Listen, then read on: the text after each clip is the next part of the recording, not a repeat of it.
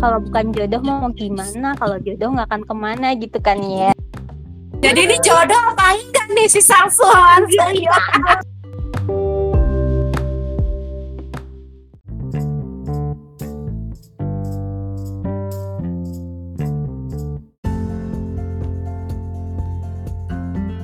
Annyeonghaseyo Cinggudel Apa kabar?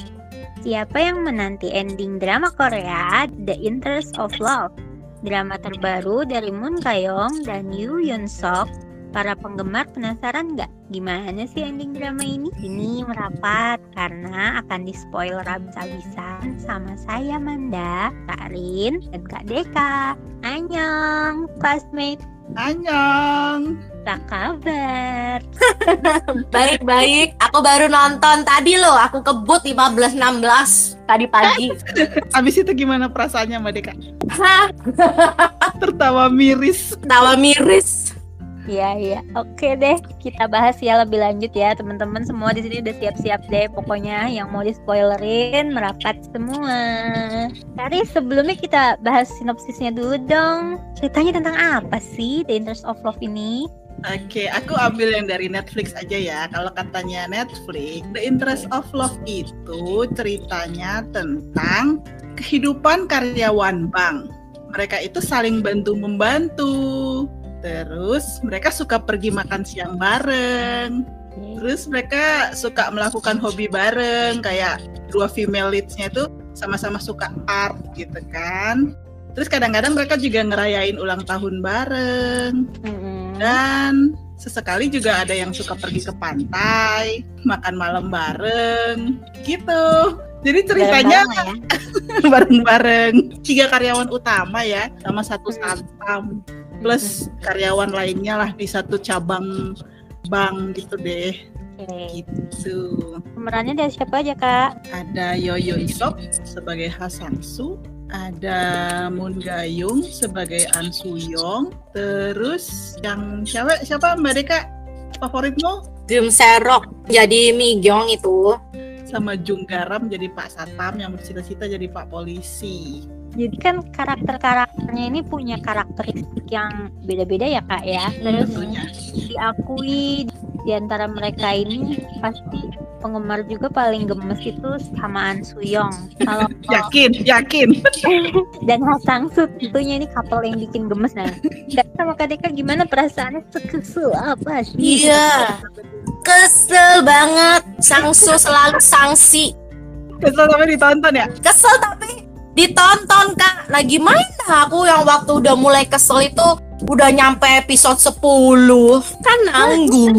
Padahal aku udah ini udah mutung loh. Jadi habis 10 itu aku diemin dulu sampai udah keluar sampai 14 aku tonton. Baru terus kemarin juga aku baru nonton tadi dua. Gimana ya? Kesel tapi aku penasaran. Aku pengen lanjutin tapi aku kesel ya gitulah. Kebayang kan kekesalan aku? Ribet gitu ya. Aku sih biasanya kalau kesel pasti aku drop kalau aku justru aku memang tahu ini tuh memang begitu ceritanya. Emang intinya itu ya mengesalkan seperti itu gitu loh. Jadi kan Hmm. namanya judulnya interest of love. Pikir apaan sih interest of love gitu ya? Hmm. ini pasti sesuatu yang interesting dong ini. Mentang-mentang bulan Februari ya bulan love love bulan cinta-cinta gitu kan. Terus pas lihat depannya itu ya udah langsung tahu ah ini sih ceritanya bersegi-segi sampai jajaran genjang gitu kan tapi yang paling ngeselin memang ya kalau ada yang namanya orang kerjaannya denial, gak jujur, pas nggak ketemu bucin, pas ketemu sok jual mahal gitu ya. Kayak lu tuh maunya apa sih? Jadi menurutku ya kalau kita tanya ini happy ending apa sad ending, tungguin sampai habis. Benar. simpen dulu simpen dulu Ya, karena dua-duanya sama ngeselinnya itu satu sama lain tuh si An Suyong dan Pasang Su itu sama ngeselinnya tuh dan mereka tuh kayak deserve what they got. equal ya jadi ya sama-sama ngeselin ya, Iya, emang tapi pas gitu. pokoknya cocok banget deh. Oke oke gimana tapi kalau dilihat dari castnya ini emang bagus-bagus sih aku lihat dari leadnya sampai pendukungnya itu sebenarnya bukan orang-orang baru malah malah banyaknya tuh orang-orang lama dan actingnya tuh natural-natural banget gitu masing-masing pemerannya menurut Kak Deka gimana? Iya, beneran tuh. Munggayong itu ngelihat aja udah kesel aku. Jadi, ah gimana ya? Jadinya kan emang dia berhasil gitu ya membawakan perannya ya. Kan banyak kan akhirnya banyak kan yang kesel gitu ya sama dia itu. Lu tuh kalau udah cita udah sama-sama cita ngapain ribet gitu loh kan. Terus Yoyonse bagus, iya emang gitu. Lihat bener-bener kayak Sangsu yang suka Sangsi sama perasaannya. Actingnya top lagi. ya bagus, bagus. Bener kan? Sebenarnya ting semua pemain yang di sini tuh bagus gitu ya. Terus beneran kan di tengah kekesalan penonton, penonton tuh akhirnya beneran lanjut loh. Nggak cuman aku yang kesel tapi Iya, lanjut. bener. Iya kan? Jadi menurut Tiap hari aku hari Kamis, hari Rabu tuh orang-orang ngomel tapi tetap aja diterusin.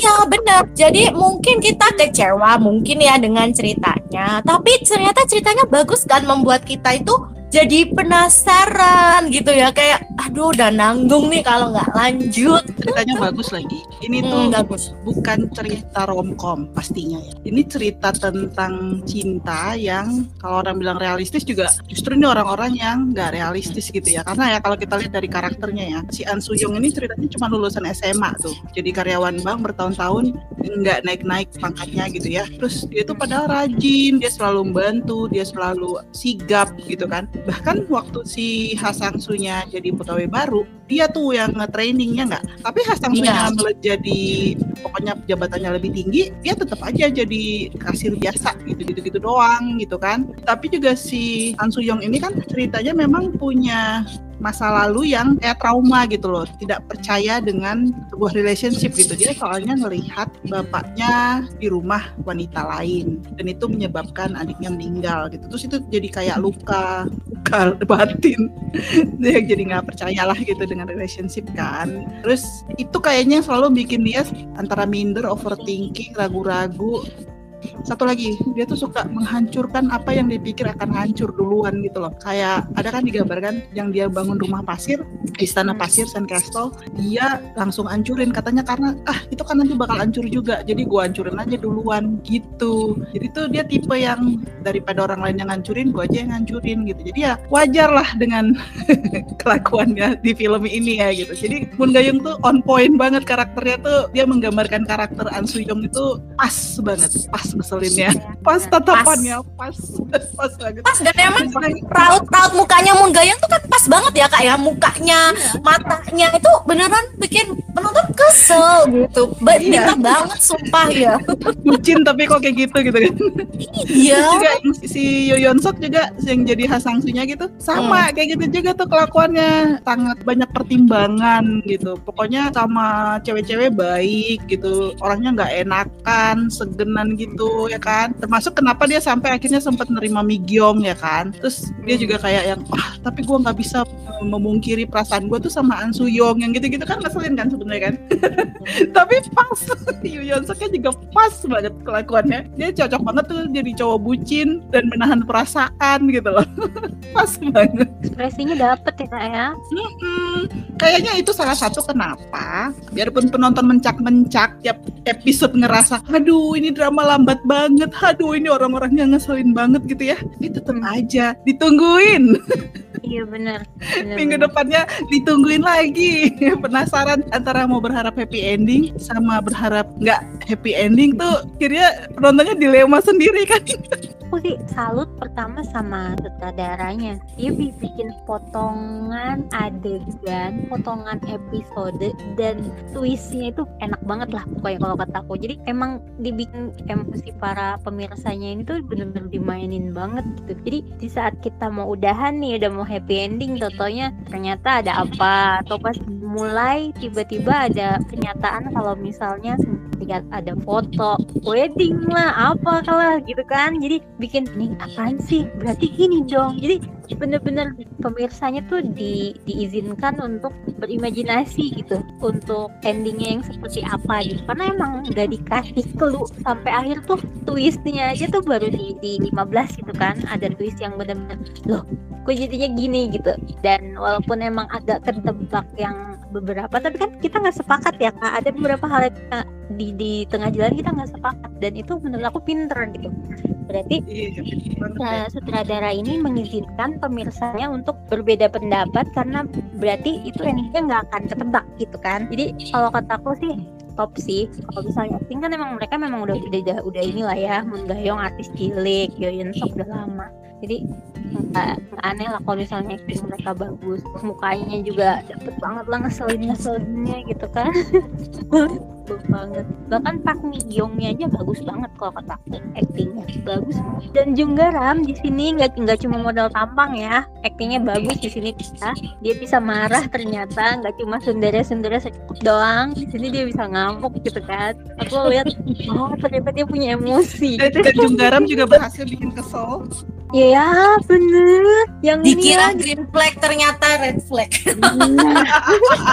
ya, jadi kan emang emang emang ini produksinya bagus kalau kata aku. Jadi nggak cuma ak- aktor sama aktris aja yang skill membawakan, tapi tim produksinya juga sangat berhasil untuk mengangkat eh, hal-hal yang kita nggak pernah lihat gitu. dan mengemasnya sebagai suatu hal yang menggemaskan, kan? Gemes kan? oh iya, aku tadi sempat ngomong ya ada ada twist, ada apa gitu karena emang bagus ya. Kalau kakak-kakak sekalian twist terfavorit di bagian mana nih? Twist Coba. twist terfavorit di bagian episode 15 akhir. Oh, sama itu, sama yang foto wedding. Oh iya. Foto wedding tuh twist banget tuh. Karena aku Itu tetap nggak bisa gimana sih jadinya? Nggak ngerti aku. sama aku juga nggak ngerti tapi itu Aduh. twist banget itu bikin penonton jadi bingung kan ini tuh sebenarnya hayalan atau kenyataan gitu loh yang dari foto wedding Iya. terus ke Oh. hotel scene pokoknya itu twist banget sih menurut aku dan jadinya kita nggak bisa nentuin itu tuh gimana sih letaknya secara timeline kan dia kan maju mundur ya ceritanya Iya. dan bahkan di akhirnya di tahun 2027 gitu loh jangan-jangan mereka mau bikin season 2 nih Ya elah, Waduh, males banget dah aku udah. banyak sih aku kalau beneran lihat. Iya, iya, oh, benar-benar. Nggak kuat. Kalau Kak Deka gimana terfavorit? Iya, yang masih jadi pertanyaanku adalah episode 10 foto wedding terus si Sansu tidur di ranjang yang sama Mami Gyeong itu gimana sih? Aku udah aku tonton pelan-pelan loh udah aku ini kok nggak ada ya di episode 2 menjelang Oh. ending. Kalau aku tuh eh, di sinemat kalau di sinematografi kan ada yang namanya transisi ya kak ya. Nah kalau Hmm. aku lihat dia bikin transisinya itu dari pas eh, sebelumnya kan ini lagi liatin foto. Jadi kayak seolah-olah dia tuh terhanyut ke dalam foto tersebut dan memikirkan kalau misalnya dia nanti sama Mi Kyung tuh akan seperti itu. Lalu dia transisi lagi keluar dari foto itu saat dipanggil An Suyong. Dia langsung kayak tersadar gitu. Nah itu ditegaskan dengan pernyataan-pernyataannya si Hasangsu kalau misal dia itu adalah tipikal orang yang sering membayangkan secara jelas apa yang akan terjadi nanti di masa depan agar dia bisa mencegah hal-hal yang tidak diinginkan. Itu ngomong kayak gitu tuh sampai ke berapa orang lah aku hitung tuh. Jadi aku mikir oh berarti yang kemarin itu soalnya ada dua dua scene dua scene yang dibikin kayak gitu. Yang pertama itu scene yang si Hasangsu lagi sama Migyong dan yang kedua itu yang lagi di hotel sama An Suyong itu kan dua-duanya halu nggak ada yang benar itu sebenarnya. Cuma cuma hayalannya si Hasangsu dua-duanya. Jadi dia mikir gini kalau misalnya nanti masa depan dia sama Migyong dia bakalan hampa. Dan yang kedua nanti kalau misalnya dia sama Migyong dia bakalan selingkuh sama si An Suyong kan nggak ada exit plan gitu. Kalau buat An Suyong berarti kalau misalnya dia tetap sama Migyong dia tetap bakal tetap ketemu terus. Karena dia masih kangen lah istilahnya sama si An Suyong gitu. Dua episode itu yang aku mikir oh ini berarti emang dia sinematografernya bikin transisi seperti itu tapi nggak tahu ya karena aku kan nggak lihat juga novelnya seperti apa siapa tuh memang kalau di novelnya mah nanti nikah sama Migyong terus selingkuh sama An Suyong kan Ya? Iya, kalau memang belum baca novelnya ya, aku cari juga kayaknya nggak disediakan di platform novel ya, maksudnya belum ada. Tapi eh cuman sekedar cari aja ketika searching ya. Waktu aku nulis tuh di novelnya itu emang jadinya sama Migyong gitu, gitu. Nah, cuman kalau nanti mungkin kalau mau dibikin kayak novelnya berarti mungkin ini akan ada season 2 ya khasnya drakor di Netflix. Itu sekarang kayak gitu kayaknya ya. Cuman kalau misalnya dia nikah sama Mikyung terus dia selingkuh sama An Suyang berarti dia nggak konsisten. Katanya dia kalau menjalani hubungan itu harus perasaan itu harus penuh apa? Tanggung jawab. Nah iya benar. Makanya kalau aku sih mikirnya kayak gitu. Mungkin ini apa novelnya ini dipotong di suatu titik. Eh di eh, drama ini motong novel di suatu titik yang nggak selesai. Karena kan ini kita dibikin. Aduh. Udahlah, nggak apa-apa ya udah nyampe sini nggak apa-apa kasih tahu endingnya. ya oke nanti deh abis ini deh abis ini ya aku tanya ya oke nih. puas nggak sama endingnya Yorobun Em, puas nggak ya kan aku ini sukanya happy ending menurut aku. Tapi memang em, semua semua masalahnya itu diselesaikan ya di ending ini ya. Kayak misalnya kan ternyata kesalahpahaman An Suyong sama keluarganya akhirnya terjawab gitu kan ya. Terus si Yongpil akhirnya tuh jujur sama Migyong kan tentang kesalahpahamannya ketika menjalin hubungan itu di, diselesaikan kan gitu. Terus akhirnya si Migyong kan akhirnya dia udah beneran ini kan dia udah ngambil keputusan ya udah emang nggak Sansu emang nggak cinta dia. Jadi kan dia berusaha untuk nggak ini ya nggak berusaha banget gitu kan nggak jadi second yang jahat gitu. Biasanya kan dengan segala cara gitu kan ya. Enggak gitu dia ternyata dia pergi gitu terus si itu si akhirnya jadi polisi kan Pak Satpam.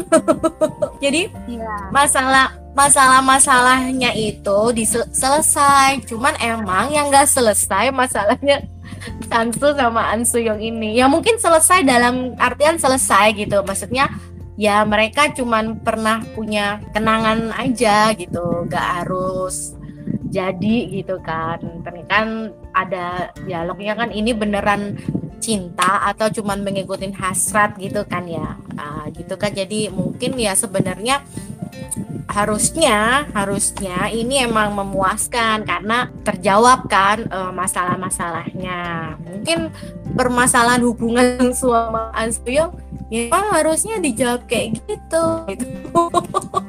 jadi sebenarnya aku puas nggak puas ya sama kayak itu antara kesel dan lanjut ya. Jadi jadi bener-bener drama ini kan katanya judulnya apa? Understand ternyata nggak bisa di understand. Understanding on of love that Iya, I cannot understanding. understand. iya nggak bisa ngerti aku. Tapi ya gimana berusaha ngerti aja. Terus ya aku puas sih. Terus ada satu hal yang aku suka ya dari scene ini yang uh, terlepas dari kisah percintaan yang rumit yang aku suka itu yang Gyong ngomong terima kasih ke ayahnya. Akhirnya kan dia tahu ya apa ayahnya itu menunjukkan kasih itu dengan caranya sendiri gitu kan. Terus dia kayak udah lama nggak udah kayaknya udah nggak pernah terima kasih ke ayahnya gitu. Ya itu bagian lain sih yang aku suka di drama ini gitu. Emang bagus kok drama ini terlepas dari kekesalan penonton. Gitu sih kesan aku terhadap ending ini. Puas dan nggak puas loh. Gimana ya puas dan nggak puas? Ya gitu deh. Kan Mbak Deka udah nulis tuh prediksi endingnya tuh. Sebenarnya hampir sebagian besar ini sih, sebagian besar terpenuhi sih. Kan ada pertanyaan kayak apakah Antuyong menyerah dengan karirnya gitu kan?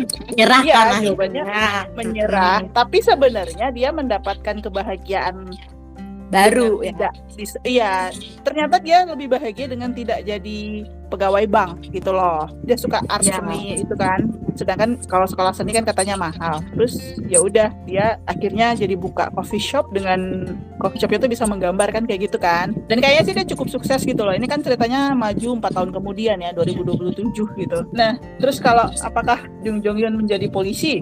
Jadi polisi juga gitu loh. Jadi kalau dibilang endingnya setidaknya buat An Soo Young sama Jung Jong Hyun cukup happy ya gitu. Terus si Gyeong Pil nih yang masalah Gyeong Pil dan Park Mi Gyeong nih yang sebenarnya agak kurang clear ya kayaknya sih dia udah ngasih tahu kan secara nggak langsung kenapa dia Hmm. melakukan apa yang dia lakukan kan waktu di pertemuan terakhir itu kan mereka dia bilang kan bahwa dia tidak seharusnya menyukai yang gitu-gitu kan terus Iya. juga hubungan ibunya Hasangsu dengan ibunya Park Mi Gyong juga tetap baik gitu.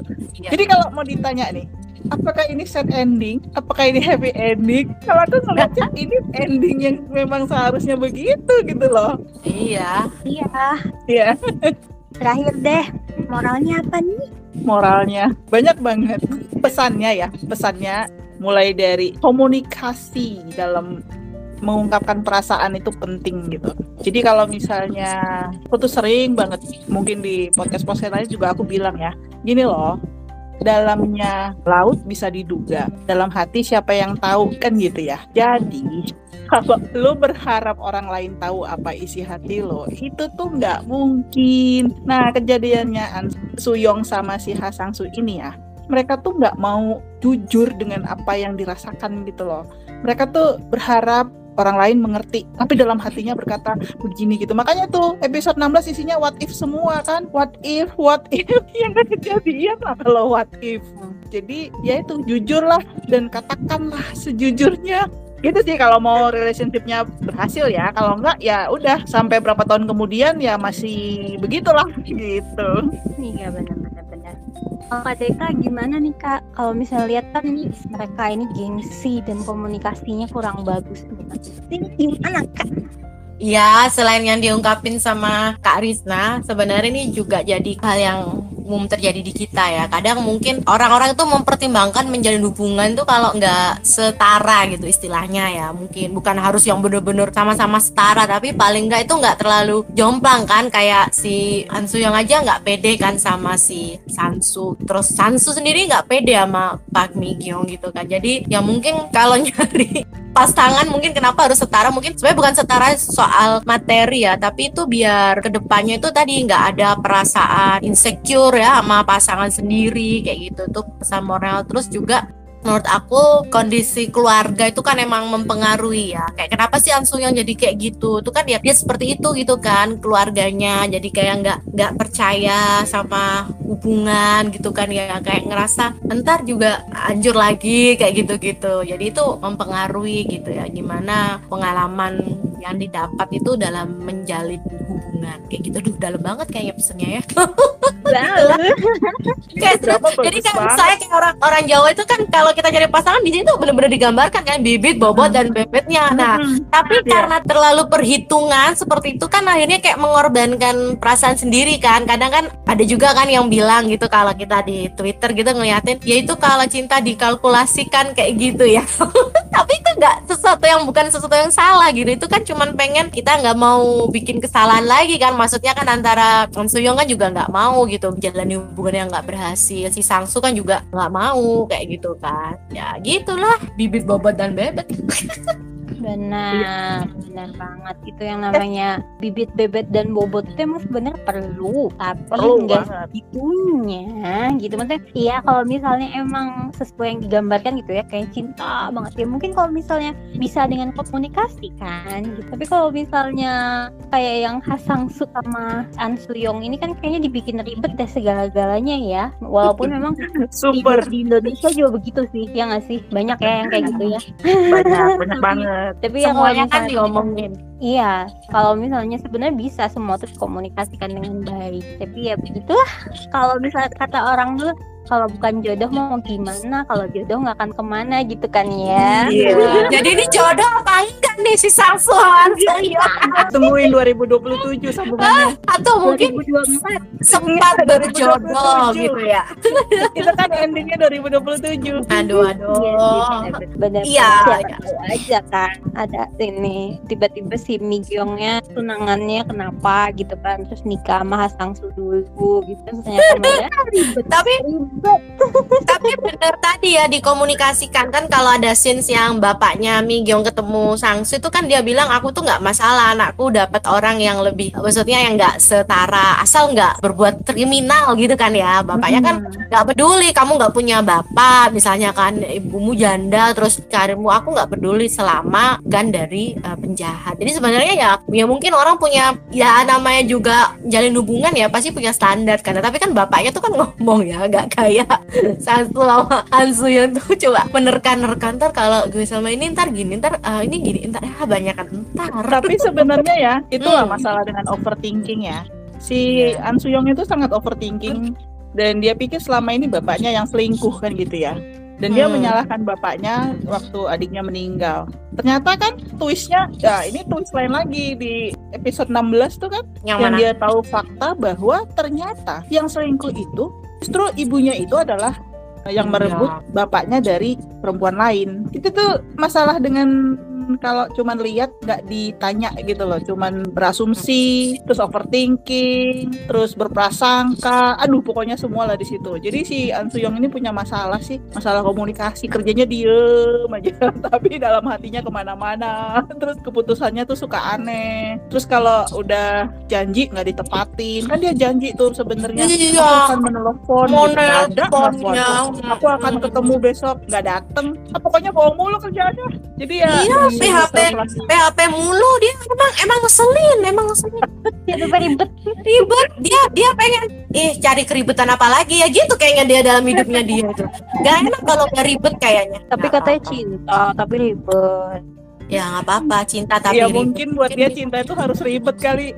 Jadi kan kayak dia tuh sama sama si Pak Satpam, dia kan selalu ngerasanya superior kali ya, karena kan si Pak Satpam tuh lebih membutuhkan bantuan dia gitu loh. Padahal dia lihat sendiri kan, si Pak Satpam itu kayaknya ada yang suka tuh anak-anak yang lebih muda gitu. Tapi ya itu dia ngerasa superior kayaknya di situ. Sedangkan kalau sama Hasangsu, dia kan ngerasa inferior karena dia cuma lulusan SMA gitu. Kadang-kadang tapi aku bingung dengan orang-orang yang suka overthinking dan ya baper ya kayaknya itu ya. Gitu sih uh, Han Suyong ini tipe-tipe baper kan apa-apa baper, baper tapi nggak dikomunikasikan gitu loh. Baper doang ngomong kagak itu loh. fix Ya, ya mungkin trauma itu sih, trauma masa lalu tadi itu yang bikin dia karakteristiknya jadi agak tricky, benar. agak ribet Benar. gitu.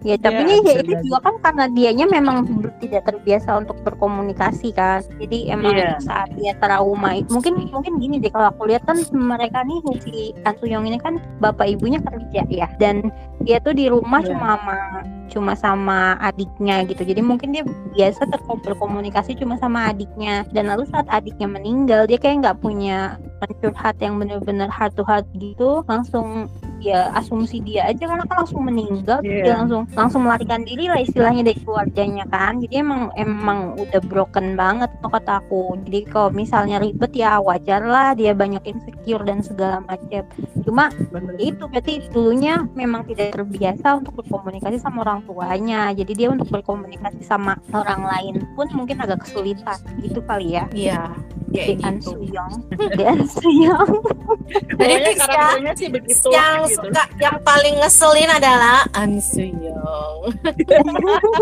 Asangsi juga kok. Asangsi tuh ngeselin loh menurut aku. tapi semuanya ngeselin in, Poin in, in, in, ngeselinnya in dia loh. itu loh, yang dia nerima Apa? Migyong. ya. Maksudku gini, kalau dia memang nggak suka sama Migyong, walaupun dibujukin kayak gimana, ya ngapain, diain gitu loh. Udah tahu cewek itu desperate gitu loh. Itu tuh kali. loh kayak gitu.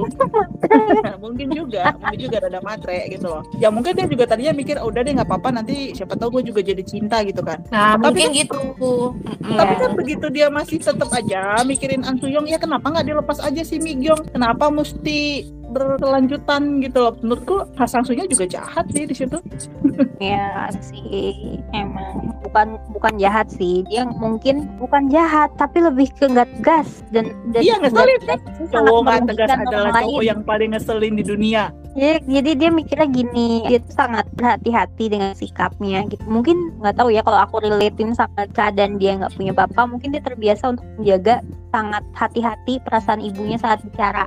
Mungkin nggak kayak gitu. Jadi mungkin dari situ dia terbiasa memperlakukan perempuan itu sangat hati-hati gitu. Jadi kan kayak dia mau mau nyebrang An Suyong jadi mikir sampai nggak jadi kan? Ya mungkin dari situ. Jadi emang terbiasa untuk saking dia takutnya menyakiti orang lain dia sampai nggak berani ngambil jalan yang jelas. Dan udah pasti yang namanya nggak jelas itu sangat menyakitin orang di sekitarnya memang. Tapi si Migyongnya juga kenapa harus segitunya gitu. Aku kadang mikir tapi ya diklasihkan lagi. Ternyata emang didikan si orang tuanya juga emang begitu kan. Ya udah jadi emang kelihatan sih dari sini. Di film itu tuh sangat dijelaskan gitu karakter bapak dan ibu mereka nya tuh. Jadi kita jadi oh pantesan iya budaknya juga aduh keluar Sundanya. Maaf pantesan ini anaknya kayak gitu lihat orang tuanya juga seperti itu gitu. Jadi emang agak-agak wajar sih oh pantesan gitu. Karena emang kalau yang dididik sama uang emang bakal menterit orang lain juga dengan uang gitu Mm-mm. jadi harga diri dia di situ kan kasihan ya kalau kayak gitu kalau dipikir-pikir nih si Migyong teh sampai banyak sakit Iya. masuk rumah tapi sakit. tapi si Migyong termasuk karakter yang berkembang ya di awal kan dia kayaknya kayak tadi kata Mbak Deka kan dia jadi Hmm. tahu bahwa dia nggak pernah berterima kasih sama bapaknya gitu loh dan dia itu jadi mau berterima kasih belajar banyak hal gitu loh setelah dia mengenal Hasangsu dia agak membaik lah karakternya gitu ibunya Kipak Migyong juga termasuk yang karakternya ada perkembangan yang baik lah gitu. Setelah Oh, iya. berteman sama ibunya Hasangsu Ya overall sebenarnya sih masing-masing karakter ada perkembangan sih. Bahkan si An Suyongnya sendiri at the end udah nggak ngeselin sih. cuma sampai 16 kak inget kak Iya. sampai 16 dia udah nggak ngeselin nggak kok end 16 udah nggak ngeselin kalau bikin season 2 nanti lain lagi ya. Beda. siapa tahu aja itu kan belum beres kalau mame itu pasti ada sisa malam kalau misalnya udah ganti malam siapa tahu dia hilang lagi Iya benar besoknya it ghosting lagi ya. Iya kecuali bikin endingnya tuh pagi-pagi pagi-pagi mereka sarapan bareng nah itu udah udah ini udah beda tuh oh Tapi jadi aku tobat sebenarnya. Aku seneng Hasangsu nggak ditunjukkan misalnya menikah sama An Suyong. Kenapa, sih? Kan emang Bayang enggak kan? nggak sih kalau kalau mereka misalnya diakhiri dengan menikah gitu terus episode berikutnya mereka cerai gitu. Nah, kenapa pakai cerai? lah itu kalau dia ghosting menghilang kayak gitu-gitu. Iya ya bener. Sukanya atau dia kabur sama Junggara ya Allah mari kita lihat ya. Mari kita lihat apakah tahun depan atau 2027 akan Enggak. ada nggak lanjutannya ada yang nonton kayaknya kalau ada Enggak, kayaknya aku nggak nonton deh. Iya. Aku nggak mau kayak yang ini aku kesel tapi aku harus lanjut gitu. Nggak, nggak, nggak usah, nggak usah. Mending nggak usah dimulai ya kak kalau misalnya Iya. Benar-benar. jangan sebenarnya nggak apa-apa nonton ini nonton ini tuh belajar lah belajar melihat bagaimana orang lain kadang-kadang tuh suka overthinking suka ragu-ragu dan siapa tahu kita sendiri yang jadi orang seperti An Suyong gitu loh yang suka nggak jujur kita suka kita bilang nggak suka atau kita gengsi gitu-gitu loh justru menurut aku ya mudah-mudahan nih ya kalau ada yang memang kelakuannya kayak An Suyong terus nonton drama ini dia tuh sadar gitu loh. Harapannya menyadarkan bahwa lu tuh ngeselin Iya bener. terus kayak Nggak, nggak, jangan mau heran ya kalau lu belum punya pasangan sampai sekarang gitu. Benar benar benar. Oke deh kayaknya udah terjawab semua nih. Jadi endingnya apa kak?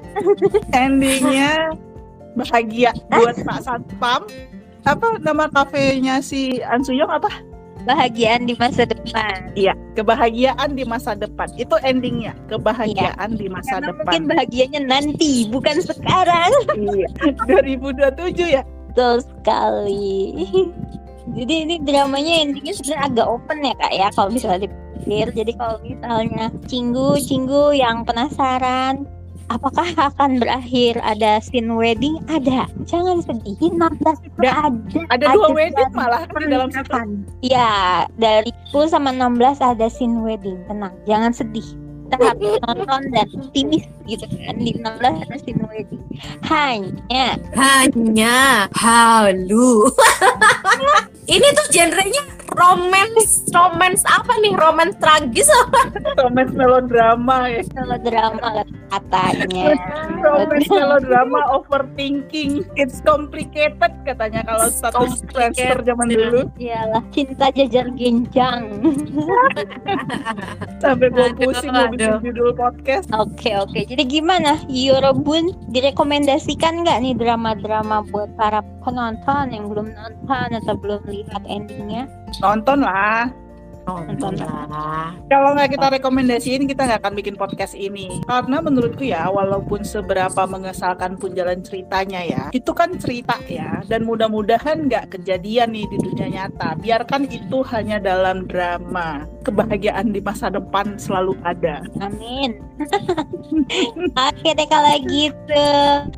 Kamsahamnida Cingkudel sudah mengingatkan kami cerita tentang The Interest of Love. Jadi kalau misalnya yang mau nonton langsung aja go to Netflix ya kakak-kakak ya. Udah ada 16 episode lengkap bisa bisa ditonton secara maraton atau sehari nah, kalau misalnya teman-teman pengen baca nih ya, tadi kan udah dengerin nih kita podcast, tapi pengen dari versi tulisannya udah ditulis juga sama kakak Deka di website www.drakorpas.com.